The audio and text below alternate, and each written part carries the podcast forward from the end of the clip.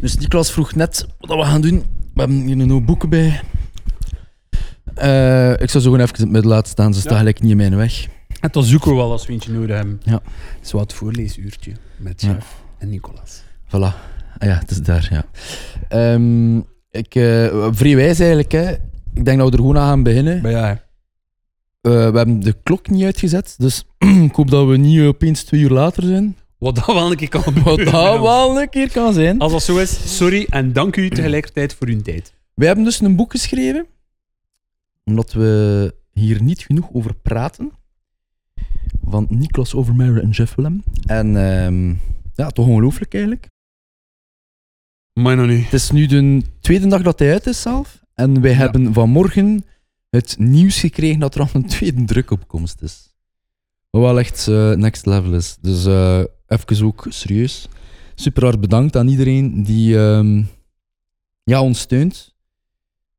Niet alleen ons steunt, maar gewoon in het algemeen erin gelooft.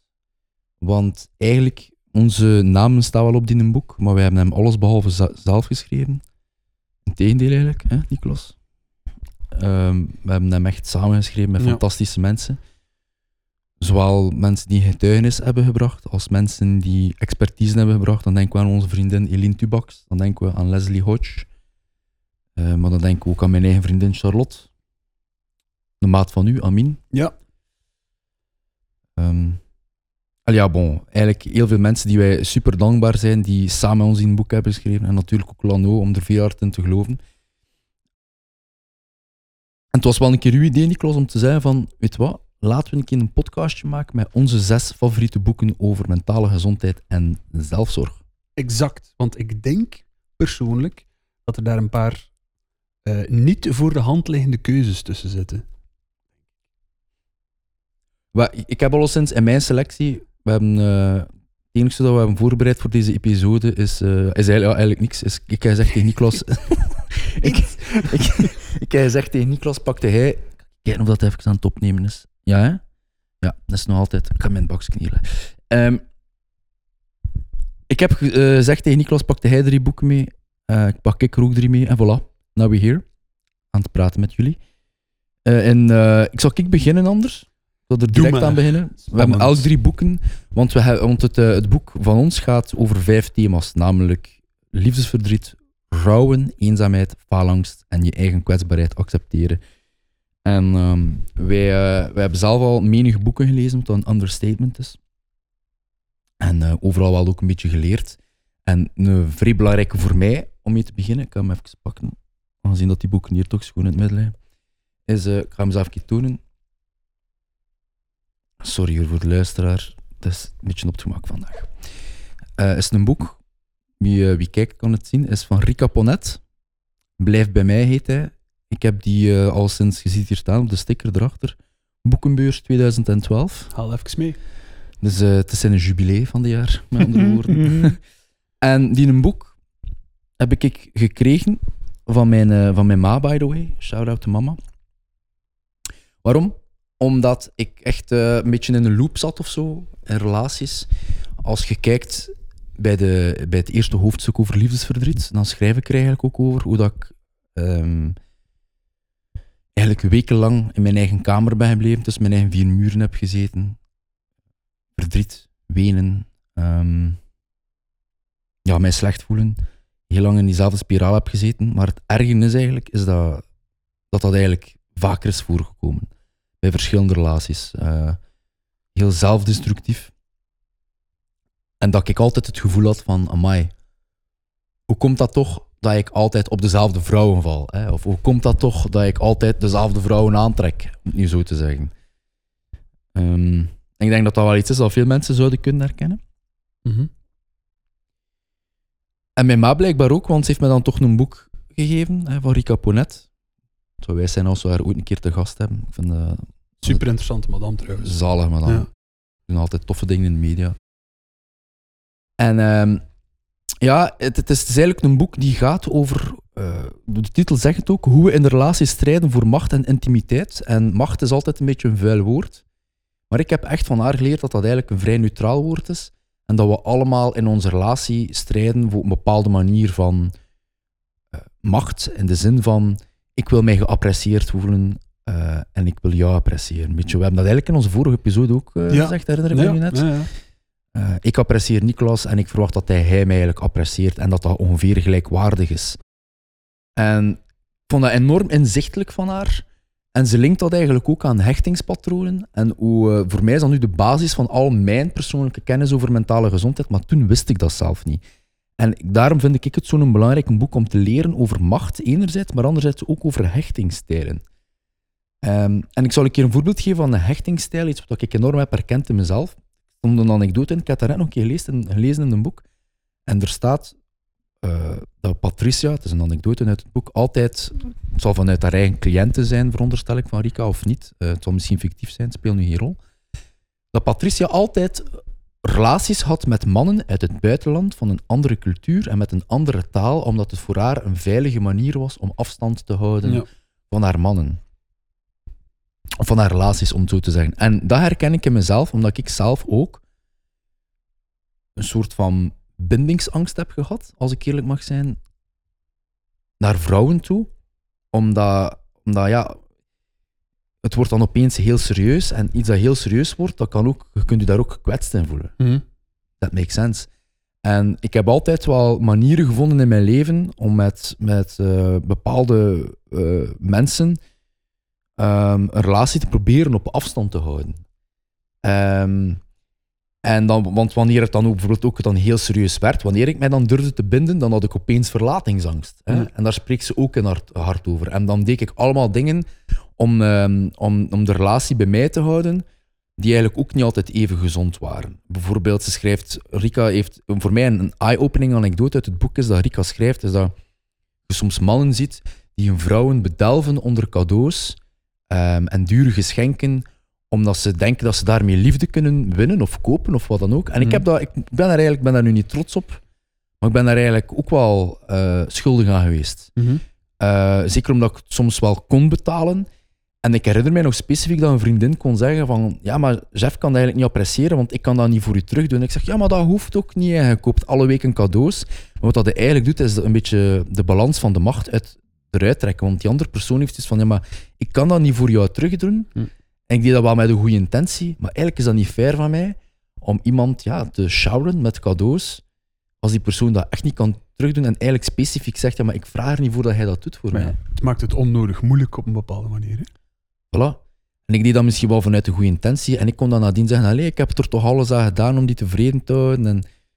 Maar eigenlijk had ik moeten luisteren naar die persoon. En zeggen van, ah ja, inderdaad. Hm. Eh, en nu besef ik dat. Die patronen van macht, die patronen van hechting, verlatingsangst, bindingsangst. En dat is allemaal dankzij Rika Ponet. En dat linkt wel echt een beetje naar wat ik, eh, aan mijn eigen getuigenis over liefdesverdriet in het boek. Over, ehm, over die patronen eindelijk te leren doorbreken. En eigenlijk, dit boek is eigenlijk ehm, het allereerste boek geweest voor mij.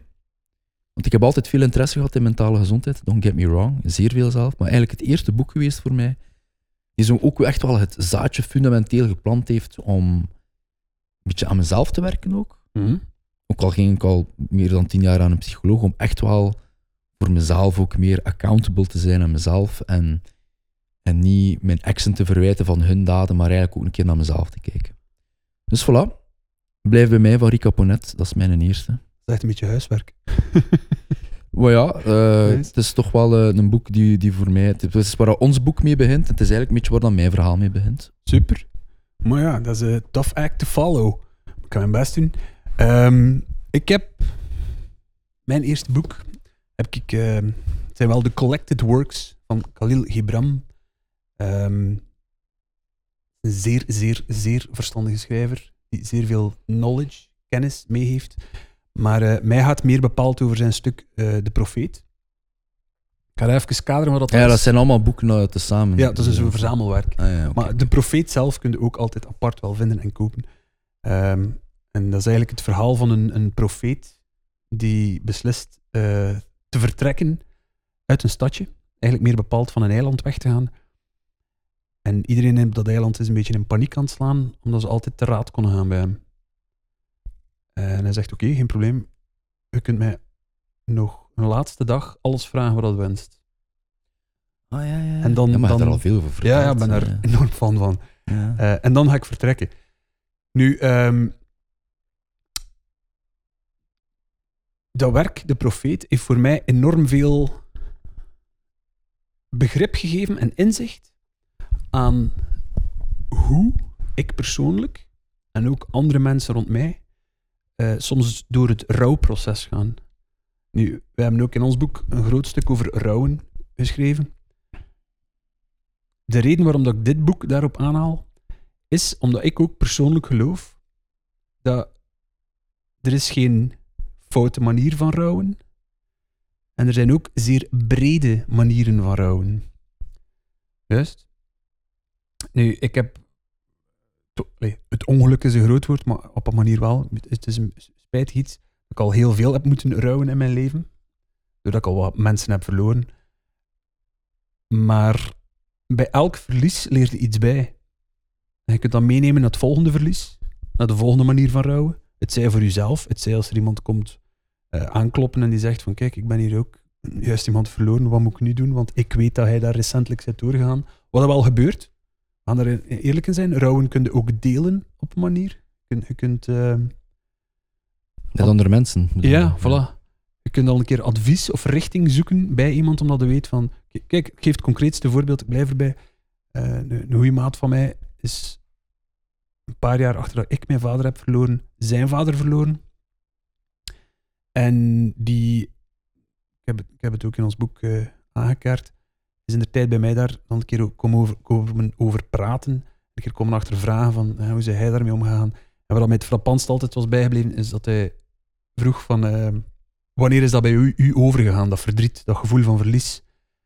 En een beetje uit, uit eh, reactie heb ik daar gewoon op antwoord. Ja, als ik het weet, zal ik het u zeggen. En ik had daar zelf van verschoten dat ik dat zo had gezegd, want dat was niet bedoeld om hem te kwetsen. Ja, niet, nee, nee, het wel- Maar, eh, maar dat was wel exact hoe dat ik het voelde.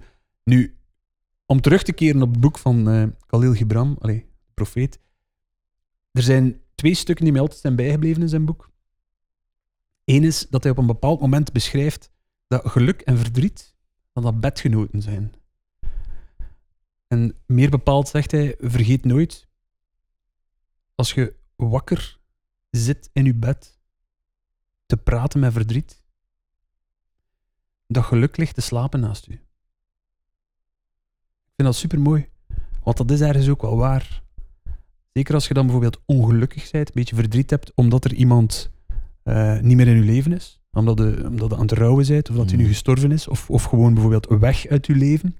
Zijn een beetje verdrietig, maar ook dat geluk leeft daar nog altijd bij. Van er is een reden waarom dat je verdrietig bent, omdat je veel gelukkige momenten hebt gehad. Ja, ja. Does that make sense? ja, ja, ja. Eh, Dus daarom zijn idee van zo geluk en verdriet dat dan bedgenoten zijn, vond dat een ongelooflijke eye-opener. Maar vooral, wat het sterkste was dat ik daaruit gehaald heb ook, is ehm, dat er niets verkeerd is aan een beetje te rouwen. Je moet dat ook echt voelen. Je, je moogt, Toelaten. voilà, je moogt dat toelaten. Want eh, er is een stuk dat hij zegt dat je enkel door uit de rivier van stilte te drinken kunt leren zingen. Ik vind dat ook super mooi verwoord. Die mens was echt, hey, je moet het toch maar kunnen om het zo te zeggen. Eh, Maar dat is, zeg dat nog een keer? je kunt enkel maar zingen door uit de rivier van stilte te drinken. Mooi. Dus dat hij daar ook echt nog een keer mee aankaart. Laat het toe. Voel het maar een keer. Voel maar een keer dat verdriet. Voel maar een keer van, amai, wat mis ik hier nu niet? Of, of hoe hard wou ik nog dat hij of zij er nog was? Maar precies daardoor kun je, bij wijze van spreken, zingen over al de mooie dingen die je daarmee beleefd hebt. Kun je dat delen met iemand. Als jij, kijk, het concreetste voorbeeld dat ik kan geven. Elke keer dat jij mij iets verteld hebt over je Pepe, is het met onbeschrijfelijke passie. En ik weet zeer goed hoe hard dat hem mist. Mhm. Maar dat is daar het juiste voorbeeld van. Ja. Mhm. Mijn punt is gewoon ook een beetje. Of dat ik nu bijvoorbeeld mijn, mijn wijsheden, als ik het zo mag zeggen, die ik graag doorgeef, heb gehaald uit de profeet. Of ergens anders.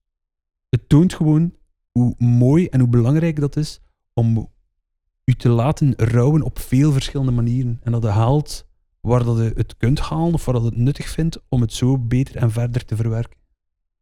Does that make sense? Sterk. Dit is misschien niet zo de, de verwachte keuze voor over rouwen te babbelen, maar nee, dat was nee, mij dat vind ik... eh, nee, eh, een meesterwerkje. juist daarmee. Kan ik wel appreciëren. Eh heeft maar aan mij. Zal ik hem...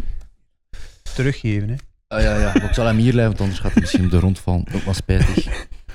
Fris gewoon dat van dat, van dat zingen trouwens. Doet mij zo denken aan een spreekwoord, is dat ehm, een vogel niet zingt omdat hij kan fluiten, maar een vogel zingt because it has a song. Dat is nu Ja. even free off topic. Eh, Uh, maar dat, heeft, dat is een heel eenvoudig muurspreekwoord, een tegeltjespreekwoord. Als je daar echt over nadenkt, kunnen we daar ver mee gaan. Hm, maar dat zal klopt. voor een andere keer zijn, anders gaan we off topic gaan. Ehm, ik heb eh, mijn tweede boek dat ik mee heb, natuurlijk, a surprise, Natuurlijk. is eh, van Dirk de Wachter, De kunst van het gelukkig zijn. Ah, kijk, het is juist, hij is getekend voor Charlotte en Jeff, voor de hoop en de zin en de music. Hij heeft dat getekend op de VRT zie ik hier staan, toen, dat, eh, toen dat ik op de zevende dag was samen met hem. Fantastische vent, Dirk de Wachter. Wat ik heb gehaald uit zijn een boek, De kunst van het ongelukkig zijn, zijn twee dingen. En het eerste is, ja, letterlijk, waar het een boek over gaat, de kunst van het ongelukkig zijn. En hij schrijft op zijn achterflap, ik ga het eh, letterlijk nalezen, want hij zegt het perfect. Streven naar het geluk als levensdoel is een vergi- vergissing. Streven naar zin en betekenis daarentegen is waar het leven om draait. En dat, is, eh, dat heeft mij vrij bijgebleven. Heeft 100% gelijk. Dat linkt ook een beetje aan de volgende boek die ik heb gepakt over stoïcisme, zin en betekenis. Ehm, over, het, over hoe het obstakel ook een beetje de weg is. Omdat Mhm. als we eh, ongeluk of negativiteit als een obstakel zouden zien, eh, letterlijk, hè, moet je man een keer visualiseren. En je komt op de weg en je ziet je obstakel, en je ziet het ongeluk en ja, je gaat er rond. Ehm, dan, dan leren we daar ook niets uit. En gaat het obstakel eigenlijk niet per se weg. Eh, we steken het eigenlijk het obstakel in de kast. Ik heb dat een paar keer echt met een appel. Het is precies of je Ja. een, een appel hebt. Ja. En steekt het in de kast en die appel rot. Terwijl dat je ehm, beter die appel opeet, dat is nu een beetje te simpele vergelijking, maar ons obstakel, ons ongeluk, is, is sowieso negatief, maar kan positief zijn omdat we er heel veel kunnen uit bijleren. En dat is een mindset die we ook in ons boek hebben proberen verwerken. Mhm.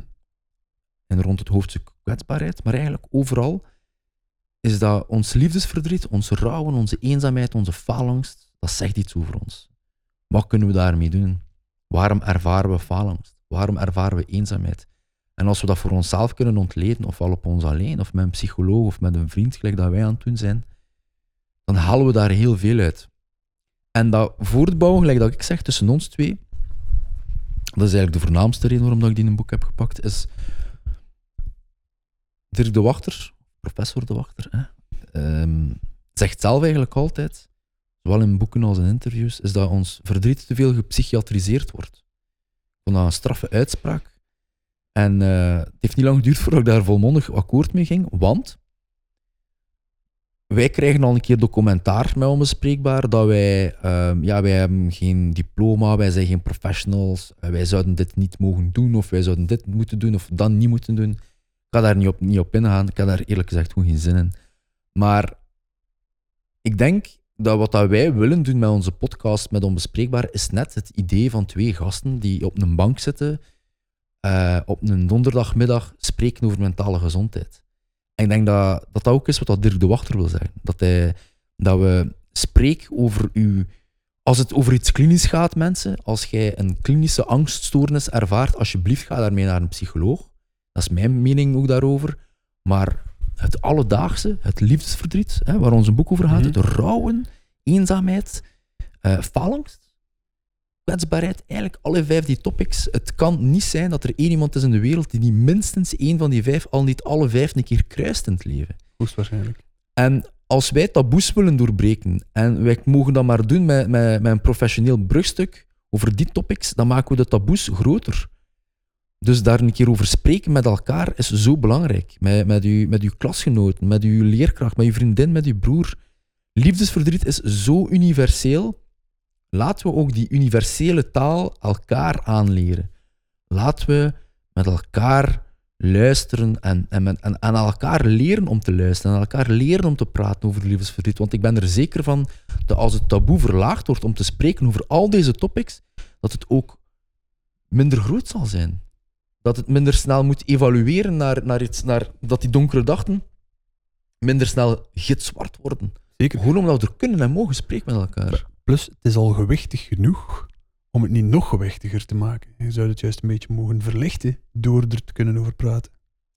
Voilà. En ik denk dat... eh prachtig boek ook, van Dirk de Wachter. Dat is... eh, we, fun fact, we, we hebben een boek opgestuurd ook naar Dirk de Wachter.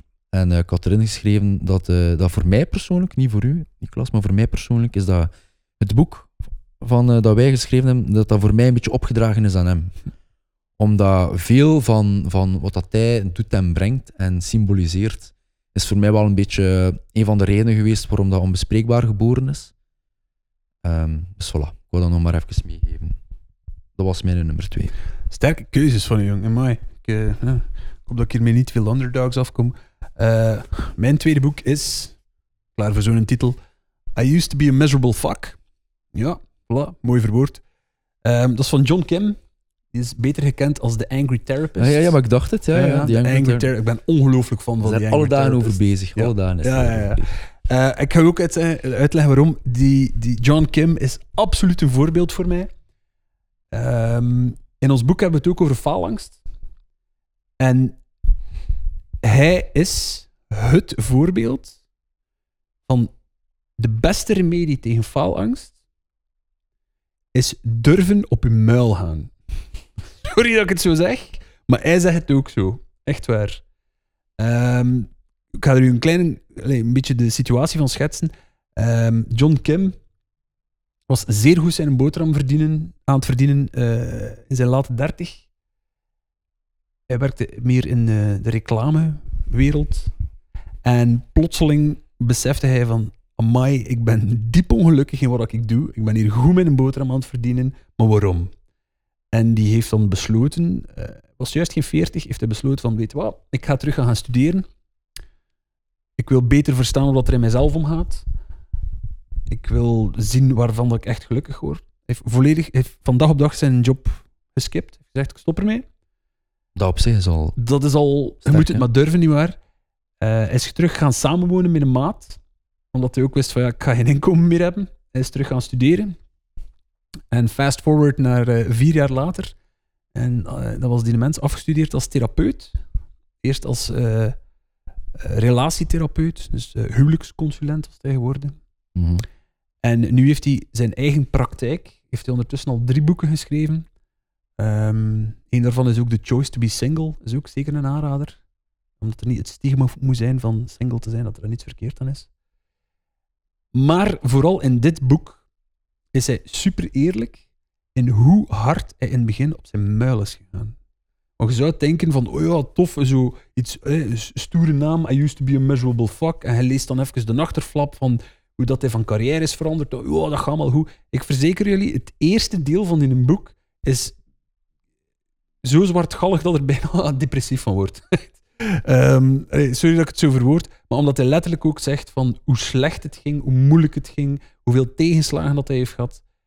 Maar hij is er wel geraakt. En hij is er wel geraakt door ook te doen. Nu, ehm, zowel Jeff als ik hebben ook al heel wat tegenslagen gehad, eh, privé of professioneel. En wij zouden ook gebogen onder die faalangst kunnen gezegd hebben van we durven niets meer, om, om het zo te zijn. We durven niets meer. Maar dat is in mijn ogen geen optie. Niets doen is geen optie. Veel mensen gaven ons ook de kritiek in het begin, als we onbespreekbaar begonnen, in de podcast, over mentale gezondheid, over quality of life.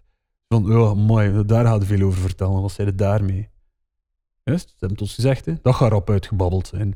Letterlijk hun woorden. Nu hadden wij inderdaad ook ons laten leiden door die faalangst. die Er zeker mee momenten is geweest.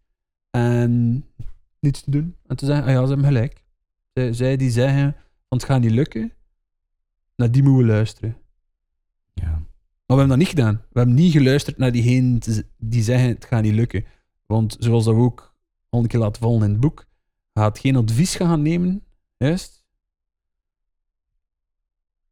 Bij iemand waar dat er niet in gelooft, juist. Hij hij het letterlijk in uw stuk het mooist verwoord, juist. Hoe heb je het verwoord? eigenlijk, het, was, het was eerder is dat je geen negativiteit mocht accepteren van mensen waar dat je ook geen advies aan Ja, voilà. Ja, zo, zo. Omdat, waarom zou je er in godsnaam naar luisteren, juist? Dus zij die u zeggen van, maar het gaat niet lukken, je zou dat, je zou dat beter niet doen, dat wil meestal zeggen dat zij zeggen van, ik, ik durf het niet te doen. ik wil dat doen. ze zeggen van, ik denk dat moest ik in jouw schoenen Ja. staan, op de manier dat ik kijk naar het leven, denk ik dat het mij niet zou lukken. En dat is, dat is, dat is geen oordeel, daar is Nee, nee. niks mis mee. Allee, ja, toch, niet, eh, toch niet voor jouw perspectief, Ehm, maar inderdaad, om je rekening te houden. Is, kijk, ik vind het ongelooflijk om nu eh, exact twee jaar na datum van te beginnen met Onbespreekbaar. Juist? Mhm. Vandaag, letterlijk. Eh, Wel, niet vandaag, hè. Ehm, maar, allee, ongeveer. Ongeveer deze, deze maand wel. Deze maand, excuseer, ja, deze maand, dat was het. Ehm, deze maand is, is twee jaar dat we bestaan. Eh, vind ik het waanzinnig dat we het privilege en het geluk hebben van een boek geschreven te hebben, samen met nog een paar fantastische mensen. En dat, als dat niet het schoonste bewijs is dat u niet mocht laten leiden door de angst van het falen, ja, dan weet ik niet wat dat nog nodig hebt. Juist? Absoluut. Absoluut. Dat is, eh, gewoon een boekkeuze. Ik denk, wij gaan ook wel een keer een episode maken over falen, dus ik zou daar nu niet te veel over eh, zeggen. Maar ja, het, het idee inderdaad dat wij, wij zijn zo wat averecht, alle twee op onze eigen manier, maar, maar ja, wij hebben ons echt voorwaarts gefaald in deze situatie. Hè. Maar nog niet. Een beetje ons gebluft in, eh, in die een boek met Lano. Sorry Lano, maar het is wel waar. Toch bedankt. Ehm, want het is al meer dan een jaar geleden dat we daaraan begonnen zijn, by the way. Meer dan een jaar geleden, imagine. Aan die een boek te schrijven. Ehm, en dat is vooral door, door geen schrik te hebben om te falen en te beseffen dat hoe sneller dat ik faal, hoe sneller dat ik bijleer. Dat terzijde, want mijn derde boek. Maar. Mijn derde boek. Ah ja, hier is het. Ehm, goh, hoe begin ik eraan? Beetje uw bijbel, hè. Eh, Deze, deze, deze niet specifiek. Ja. Maar eh, ik heb wel getwijfeld. Mijn, mijn derde boek linkt ook aan faalangst, of kan ik link, eigenlijk aan alles. Hè. Ehm, mensen die aandachtig luisteren naar onze episodes zullen wel al een keer gehoord hebben dat ik graag spreek over stoïcisme. Al heb ik daar eigenlijk bitter weinig over gezegd, zeker in de kloof met hoeveel ik daarmee bezig ben, als in meerdere keren dagelijks. Ik beleef dat eigenlijk als een soort van religie, eh, dat stoïcisme als een soort van levensbeschouwing to lead a good life of zo. En ik leef dat nogal disciplinair. in. En het is voor mij dan ook zeer moeilijk om een juist boek te kiezen daarvoor, omdat ik er heel veel heb gelezen. En ik denk niet dat, dat ik nu het beste boek rond stoïcisme heb, maar wel het beste boek als je ermee wil beginnen. En vanuit die optiek heb ik het gekozen. Een van de beste boeken is van Seneca. En dit boekje heet De Stoïcijnse Gids voor Geluk van Massimo Pigliucci. Hij heeft ook wat TED-talks daar rond. Kunnen misschien ook wel een keer checken, moest je geen zin hebben om direct een boek te lezen. De Stoïcijnse Gids voor Geluk. En die, eh, dat is een goede manier om in het stoïcisme te geraken. Wat is het? Over wat gaat het allemaal? Omdat er ook wat concrete tips in staan. En waarom het stoïcisme? Waarom spreekt het mij zo aan? Ik ken het natuurlijk al lang. Al meer dan de helft van mijn leven, maar het is pas sinds corona dat ik er mij echt heb in verdiept heel veel boeken heb gelezen. Eh, Ik denk eigenlijk van zo goed als alle Stoïcijnse auteurs heb ik er wel minstens één gelezen. Al niet allemaal.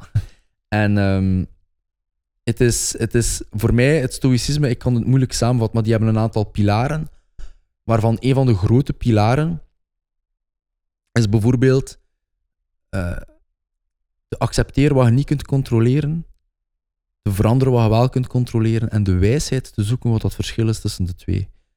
En dat is iets waar ik elke dag mee bezig ben. Actief om daarover na te denken. Ik spreek daar met Niklaus over. Ik reflecteer daar vaak over. Eh, ik mediteer daar vaak over. En ehm, dat helpt mij om soms bepaalde keuzes beter te maken in mijn leven. In het boek schrijf ik ook, beschrijf ik ook een stoïcijns principe. Premeditatio malorum. En dat is gewoon Latijns. Voor eh je voorbereiden op het kwaad. En ik geloof er heilig in. Dat is ook wat aan mij toestaat om gemakkelijker te falen is om bewuster te zijn van wat er allemaal kan slecht gaan.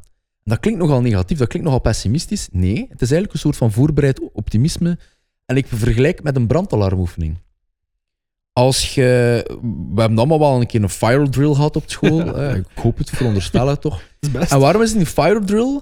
Omdat als het ooit echt brandt en je hebt je niet voorbereid op wanneer het brandt, kan het goed zijn dat je in fight or flight staat en dat de, dat de gewoon in rook opgaat. Ofwel jij als persoon, ofwel de school, of wat dan ook. Terwijl, oké, we hebben het al een keer meegemaakt, we zijn hierop voorbereid, dit is het plan, dit is wat we gaan doen.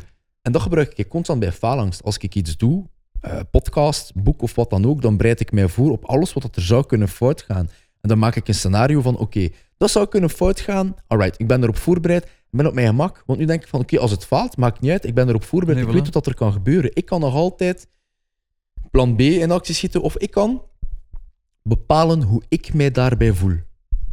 En dat is geen gemakkelijke, hè, mensen. Ik wil dat even benadrukken. Dat is iets waar ik elke dag mee bezig ben.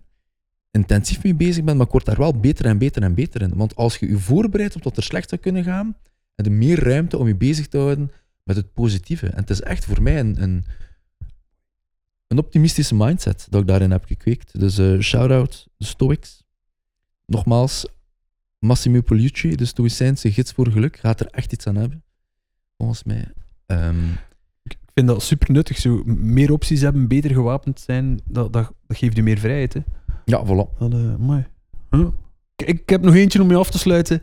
Eh, het is ook misschien weer een beetje een wildcard. Ik heb The Body Keeps the Score ehm, van Bessel van der Kolk. Beetje een heavy boek op een manier. Ehm, maar omdat er ook een groot deel bij ons geschreven is geweest over kwetsbaarheid en, en het omgaan daarmee en de kracht daarin vinden en, en zoeken van uw eigen identiteit binnen kwetsbaar zijn. Ehm, the Body Keeps the Score is een. ehm, ga. Op een manier vind ik dat een handboek. Want ik raad iedereen dat aan van dat toch een keer te doorbladeren of te lezen. Mij heeft dat enorm veel doen stilstaan bij wat voel ik, wat denk ik. En, en ook zo soms de, de lelijke plekjes van uzelf een keer eh, te onderzoeken, onder de loep, hè, onder de loep te leggen. Belangrijke nuance ook voor de luisteraar. De ondertitel is Mind, Brain and Body and Transformation of Trauma. Want ik heb hem nu toevallig zelf ook gelezen, op Ja. aanraden van mijn psycholoog. Het gaat over, het is een boek die voornamelijk de rode draad is trauma, right? Ja, ja, enorm. Ja. Het, is, het letterlijk, eh, eigenlijk, daarom dat ik zeg, een beetje een handboek in, in, in how to deal with trauma, eh, vind ik. En geeft natuurlijk ook zo'n beetje de, de, de uitleg van wat is trauma precies, van waar komt het, wat gebeurt er met je brein, wat gebeurt er met je lichaam. Ehm, echt letterlijk uitgelegd. Er zijn ook dan zo wat, oefeningen en tips die er worden ingegeven van wat dat ermee kunt omgaan. Maar ehm, dat doet mij gewoon realiseren dat zeer veel mensen geconfronteerd worden, in kleine mate of in grote mate, met trauma. Juist. Ja, ja, absoluut. En dat vertroebelt soms uw eigen beeld, uw, uw identiteit, uw, uw zelfbeeld. Kan enorm vervormd worden of, of, of eh, evolueren naar iets anders. En daarom, dat boek heeft mij ook zo wat, nog meer doen inzien dat, dat dat juist nuttig is van een beetje kwetsbaar te zijn. Dat nuttig is van, van die kwetsbaarheid op te staan. Er, er staan ook een paar fantastische stukken rond, rond zo, dat het belangrijk is van met jezelf te kunnen connecteren. Dat je, als, je, als je verbinding, dat is misschien raar dat ik het zo zeg, maar als je verbinding binnen jezelf vindt, ga je ook nog meer honger hebben naar verbinding met anderen. En dat kun je alleen maar doen als je echt ook een keer je eigen tegenkomt, een keer in de spiegel kijkt, je gaat gaan graven. Je verstaat wat ik wil zeggen, hè? Ah, dat is goed gezegd. En de twee andere dingen die mij ook altijd zijn, zijn bijgebleven daarin, en die eigenlijk zo, zo logisch zijn en als groot zijn, het een al wat meer dan het ander, is dat je moet ehm, durven de waarheid onder ogen zien. Mhm. Dus zeker ook in het omgaan met trauma, moet je durven de waarheid onder ogen zien van wat is er met mij gebeurd, waar ben ik aan het doorgaan. En je moet daar ook gewoon open en eerlijk kunnen over zijn. Daarvoor niet met heel de wereld desnoods, maar in de eerste plaats met jezelf. Je moet het niet op alles en iedereen gaan, gaan steken, maar je moet gewoon soms kunnen zeggen van kijk, dit is nu waar dat ik in zit, dit is nu wat ik meemaak en hoe ga ik hier verder mee omgaan. Ja, hoe zeg? Je kunt er misschien ook al wel wat volgen, right? Dat kan ik zeker volgen. En, en de laatste, ehm, eh, het laatste puzzelstukje die, die daar ook ergens in zat voor mij, is zo het idee van dat, dat, u, dat uw brein, allez, of, of uw, ja, uw brein, ehm, ergens een beetje een mozaïek is. Er is een stuk waar we het er zo over hebben, dat, dat heel uw brein een, een, like mozaïekwerk is, dus met allemaal kleine stukjes. Ehm, en het mooie eraan is, ergens is wat een verloren zin binnenin die een tekst staat, eh, dat dan niet erg is als je nog niet elk stukje van die mozaïek gezien hebt, of begrijpt, of weet zitten. En dat is serieus. Je hebt eigenlijk een heel leven om jezelf een beetje te ontdekken. Right? Dus als jij ook nog niet allemaal weet wat er in je omgaat, is ook niet erg. Maar het zou wel jammer zijn dat je niet naar op zoek gaat of niet naar kijkt. Op een bepaalde manier is het ehm, jezelf ontdekken, herontdekken, heruitvinden soms zelf. 100%. Dat is eigenlijk zelf leuk op een bepaalde manier. Ik denk dat wij altijd eh, één beslissing verwijderd zijn van een ander leven. Eén kijk, een perceptie verwijderd zijn van een ander leven, een andere bril. Ik denk dat wij daar zelf een goed voorbeeld van zijn. Want twee jaar geleden in deze maand bestond het idee onbespreekbaar nog niet en opeens schrijft dan een boek. Vind dat van dat... Om, de reden waarom dat we ook afs- eh, afsluiten met kwetsbaarheid in ons boek is omdat dat een beetje de, de key is aan alle topics die met elkaar verbinden. Ik had gisteren nog iets op mijn Instagram stories gezet over tevredenheid. Is dat een van mijn struikelblokken? In mezelf is tevredenheid. Ik vind het heel moeilijk om tevreden te zijn. Ehm, mijn eigen psycholoog zegt dat dat wel wat geworteld is in trauma's. Van het gevoel van niet goed genoeg te zijn, bijvoorbeeld. Niet om hier een pity party af te steken. Maar het is wel zo, en ik, ik werk daaraan ehm, om, om bijvoorbeeld niet trots genoeg te zijn, of bijvoorbeeld niet genoeg stil te staan. Vooral dat is, want ik ben wel trots, absoluut. Maar ik sta niet altijd genoeg stil bij dingen. Ik ben altijd met het volgende bezig en wat, wat kunnen we nu doen en wat kunnen we daar nog doen. In plaats van zo'n keer in het heden tevreden te zijn met wat er staat. Maar ik zei daar ook bij in die, in die story, is dat, we, is dat dat idee op een bepaalde manier ook wel het boek symboliseert voor mij. Om zo een ongoing proces te zijn. Een ongoing proces, een ongoing proces van ervaringen en ideeën. Ehm, in het boek zelf, maar ook in mezelf. Omdat al die obstakels, de body keeps the, score, al die trauma's, al, eh, alles wat dat meemaakt in je leven, ik pak dat wel mee naar de toekomst of zo. Ik, ik doe daar wel iets mee. Ik, ik, ehm, ehm, zonder obstakels. Ik ben eigenlijk vrij dankbaar voor mijn obstakels. Ik weet dat dat wel raar klinkt. Ik ben vrij dankbaar voor, voor bepaalde trauma's. Ook al klinkt dat raar dat ik dat nu luidop zeg. Omdat zonder die trauma's, zonder die obstakels, zonder die, die soms eindeloze treinen aan miserie die ik in fasen van mijn leven heb meegemaakt, had ik geen materiaal om iets over te schrijven. Had ik geen materiaal om een podcast te maken. Hadden we elkaar misschien zelf niet eens leren kennen. Want hadden we geen gespreksstof gehad in het begin van onze vriendschap. Think about that shit. Zeker, zeker, zeker. Ehm, Het heeft ons gemaakt wie dat we het zijn. heeft ons gemaakt wie dat we zijn. En ik ben heel tevreden. Kijk, daar zeg ik het toch. We pakken me. Ik ben heel tevreden met waar ik vandaag sta in mijn leven. Ehm, dus waarom zou ik negatief kijken op dat verleden? Als dat negatief verleden mij op een positieve uitkomst heeft gebracht. En op momenten dat ik het dan moeilijk vind, zoals, zoals in de laatste dagen, om, om echt specifiek een keer trots te zijn op dat boek, sla ik er toch in om te zeggen van, ja, maar ja, hij heeft toch wel van die negatieve een positief gemaakt. Daar moet je wel echt een keer trots op zijn. Dat, dat, dat, dat, dat schouderklopje voor jezelf.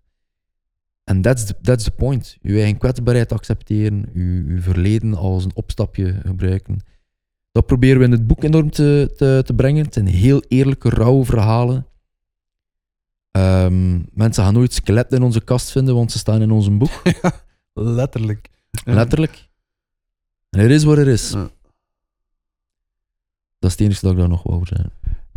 Het laatste dat ik gewoon nog wel kwijt wil is, eh, zoals jij als ik heb nu een keer een paar boeken aangekaart waar dat wij iets aan gehad hebben, waar dat er wijsheid uitgehaald is die wij hopelijk ook mogen doorgeven aan anderen. Ehm, en ik hoop echt ook oprecht dat, dat dit boek, dat van ons, dat ook kan zijn voor iemand. Ehm, exact dat we hebben gezegd, helemaal in het begin als we de podcast starten, als we er één iemand mee kunnen helpen, zijn we gelukkig dat vertaalt zich perfect naar het boek ook voor mij. Als er één iemand is die eender welk deel van het boek leest en er iets aan heeft, is het hem allemaal waard geweest. Ik ga je afsluiten met een anekdote dat ik u nog niet heb gezegd. Ik kreeg gisteren een bericht van een moeder die ons boek direct had gelezen al, twee dagen tijd. Direct had gelezen en die zei, ik ga mijn kinderen geven en dan mijn kinderen hem lezen. Omdat ik denk dat het een ideaal boek is om het zaadje te planten om aan een positieve mentale gezondheid te werken voor de rest van je leven. En dat is de full circle van hetgeen waar ik de podcast mee geopend heb. Is dat, voor mij is dat boek Rika Ponet geweest. Ehm, om ook verder te bouwen, om verder na te denken. En het idee dat dat nu al voor één iemand zo was, onbetaalbaar. Dikke merci om te luisteren, dikke merci om ons boek te lezen. Als er vragen zijn, opmerkingen, laat maar weten, as always. We horen ze graag.